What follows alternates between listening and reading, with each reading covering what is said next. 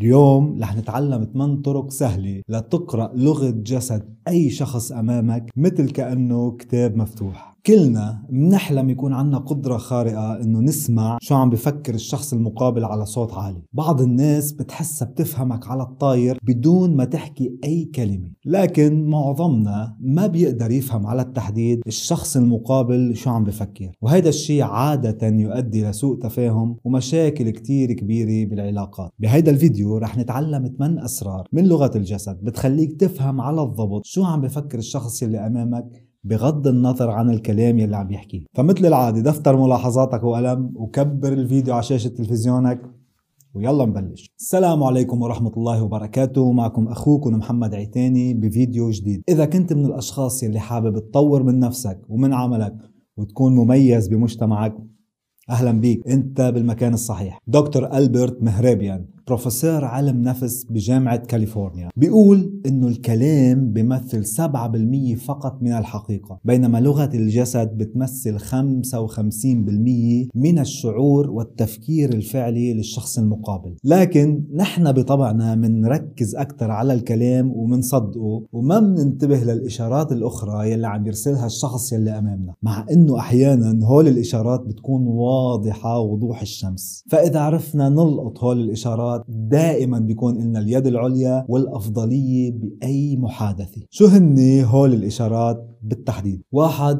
المساحة الشخصية. هل انتبهت قبل مرة قديش أنت بتتضايق لما شخص غريب ما بتعرفه يقرب عليك بشكل كبير. بتحسه كأنه اعتدى عليك ولو كان ما لمسك حتى. السبب لأنه بكل بساطة دخل على مساحتك الشخصية. العالم الشهير إدوارد تي هول قسم هالمساحة الشخصية إلى أربع دوائر. بيقول دكتور إدوارد بكتابه إنه هول الدوائر الأربعة تفضح عنا أشياء أكثر ما بنتصور. لأن كل دائرة مخصصة لنوعية ناس محددة بحياتنا. وكل ما نتقبل شخص بدائرة أصغر كل ما نعتبره أقرب بالعلاقة لإلنا. فدوائر دكتور إدوارد هن مقياس حقيقي للعلاقة بين شخصين. شو هن هول الدوائر الأربعة؟ الدائرة الكبيرة هي دائرة الغريب. بتبلش دائرة الغريب لحدود 3 أمتار. هيدي المساحة مخصصة للأشخاص يلي ما بتعرفهم. إذا كنت مثلا بمكان عام وعم بتشوف وجوه جديدة أمامك إذا واحد من هول الأشخاص الغرباء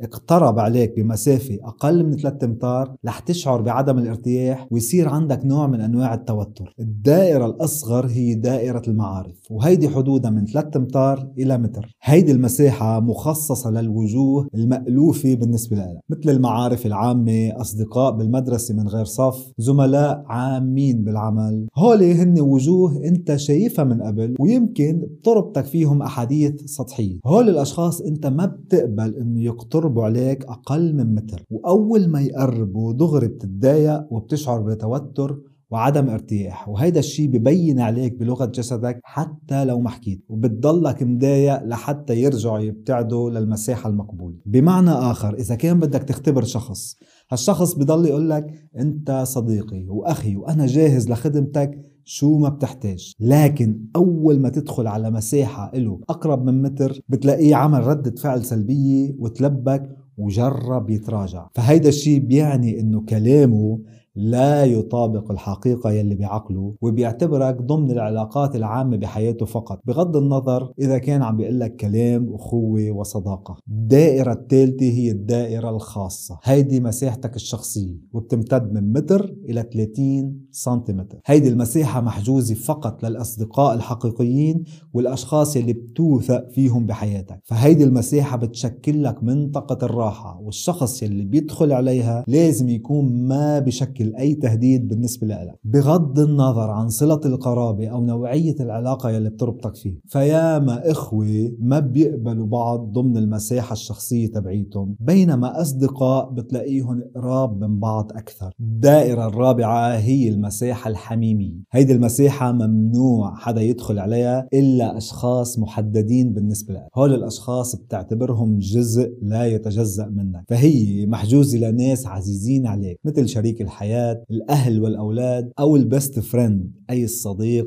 الحقيقي. لأنك بتعتبر أنك أنت وهول الأشخاص واحد. فمن دوائر المساحة فيك تعرف إذا بيتطابق كلام الشخص مع حقيقة تفكيره. الطريقة الثانية هي التعامل مع الملابس. الملابس دائما بتبعت رسالة مهمة شو عم بفكر حقيقة الشخص المقابل. مش بس شو نوع الملابس إنما الطريقة يلي عم بيتفاعل فيها مع ملابسه. التفاعل مع الملابس بيصير بأكثر من طريقة. أول طريقة عبر لمس الملابس وترتيبها. ممكن تلاقي واحد عم بيلعب بأزرار القميص أو بوشاح حوالين رقبته. كل هول إشارات التعديل البسيطة للملابس تحصل لما يكون الشخص حاسس بتلبك أو مستحي بشكل عام. يعني غير مرتاح وفي شي زعجه. أيضا الملابس تستخدم كحاجز دفاعي فممكن تلاقي الشخص حط إيده بجيبته أو داخل الجاكيت. وهيدي محاولة منه ليبني هالحائط الوهمي بينك وبينه. هيدا الشيء بيعني أنه عم بيحاول يخبي عنك أمر معين. لأن الملابس هي الغطاء والستر لجسمنا. فمحاولة إخفاء اليدين داخل الملابس تعتبر محاولة إخفاء الحقيقة. أيضا من الإشارات يلي فيك تنتبه لها عبر الملابس هي لما الشخص يبلش يلقط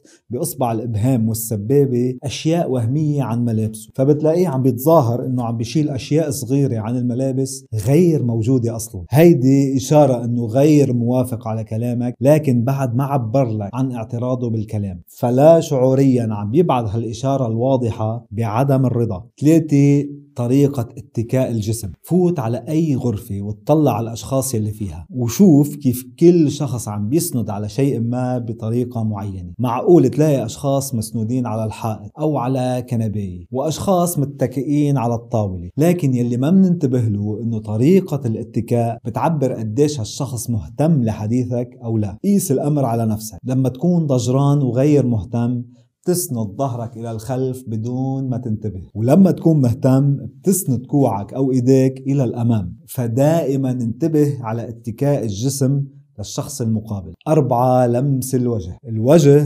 بيفضح الشخص المقابل بشكل كبير خاصة بحالات القلق والتوتر لأن هول الحالات بتخلي الدم يبرم بشكل كبير بالجسم. وهالشي يؤدي إلى أنه الوجه يتحول لونه إلى الأحمر بكثير من الأحيان لأن عروق الوجه صغيرة. أيضا هالأمر بيفتح مسام التعرق بشكل أكبر من الطبيعي فببلش وجه الشخص يلي أمامك يصيبه نوع من أنواع الحكاك وبصير يحط إيده على وجهه أكثر من اللزوم خاصة بمنطقة الأنف وتحت العينين لحتى يخفف هيدا الحكاك بشكل عام. خمسة تغطية الفم. هيدي الحركة بنكتسبها من أيام الطفولة. لاحظ الولد الصغير لما بده يجي يخبي شي عن أهله بغطي تمه بالإيدتين هيدي العادة لما نكبر بتكبر معنا وبتتطور. فبتلاقي اللي عم بيحاول يخفي الحقيقة بغطي فمه ببعض الأصابع أو بيد كاملة أو حتى بيوضع لكمة أمام الفم. وهيدي إشارة واضحة من لغة جسده إنه ندمان على الكلام اللي عم بيقوله. ستة العض على القلم. أيضا هيدي الحركة تعلمناها من الطفولة وبتكبر معنا. هيدي طريقة بتخلينا نرتاح ونخفف توتر. الشخص اللي عم بيعض على قلم أو على طرف نظارات أو على أي شيء صلب أمامه بيكون بوضع stress أو تعصيب وعم بيحاول يفرغ هال stress بطريقة أو بأخرى. منشان هيك بتلاقي كتير ناس بيستعملوا العلكة دائما حتى لو كانوا بأماكن غير مناسبة مثل اجتماع عمل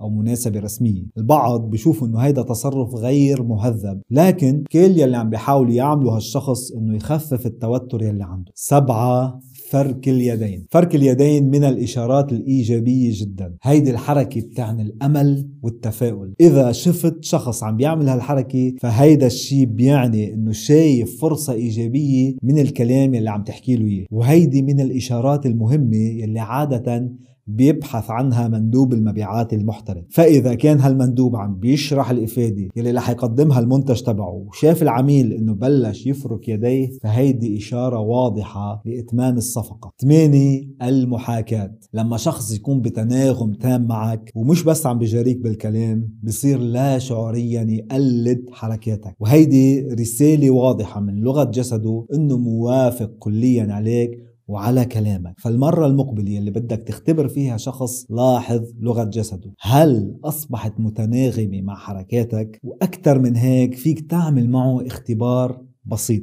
افتعل حركة معينة بإيدك مثلا وانتظر من 10 إلى 30 ثانية. هل بتلاقيه كرر هالحركة؟ أو أنه كفى كلامه بشكل طبيعي. إذا كان فعلا على تناغم تام معك بتلاقيه لا شعوريا. بعد مدة أقصاها 30 ثانية عمل نفس الحركة يلي عملتها أنت لا شعوريا. هيك تتأكد أنه فعلا على تناغم معك. لغة الجسد عالم كبير وفيها بحر من الإشارات. هي لغة بحد ذاتها فيها كلمات وفيها جمل. ونصيحتي لك ابحث عن أكثر من إشارة عم بيرسلها الشخص المقابل بنفس الوقت حتى تعطيك معنى أوضح شو عم بفكر. خبرني بالتعليقات. أي أكثر حركة لفتت لك انتباهك من هول الحركات الثمانية؟ وهل أنت عادة تنتبه للغة جسد الشخص المقابل أم تسمع لكلامه فقط؟ ما تنسونا من صالح دعائكم. بصندوق الوصف بتلاقي رابط بي دي اف ملخص لهيدي الحلقة عن 8 طرق لقراءة لغة الجسد. ومن هلأ للفيديو القادم. أنا بشوفكن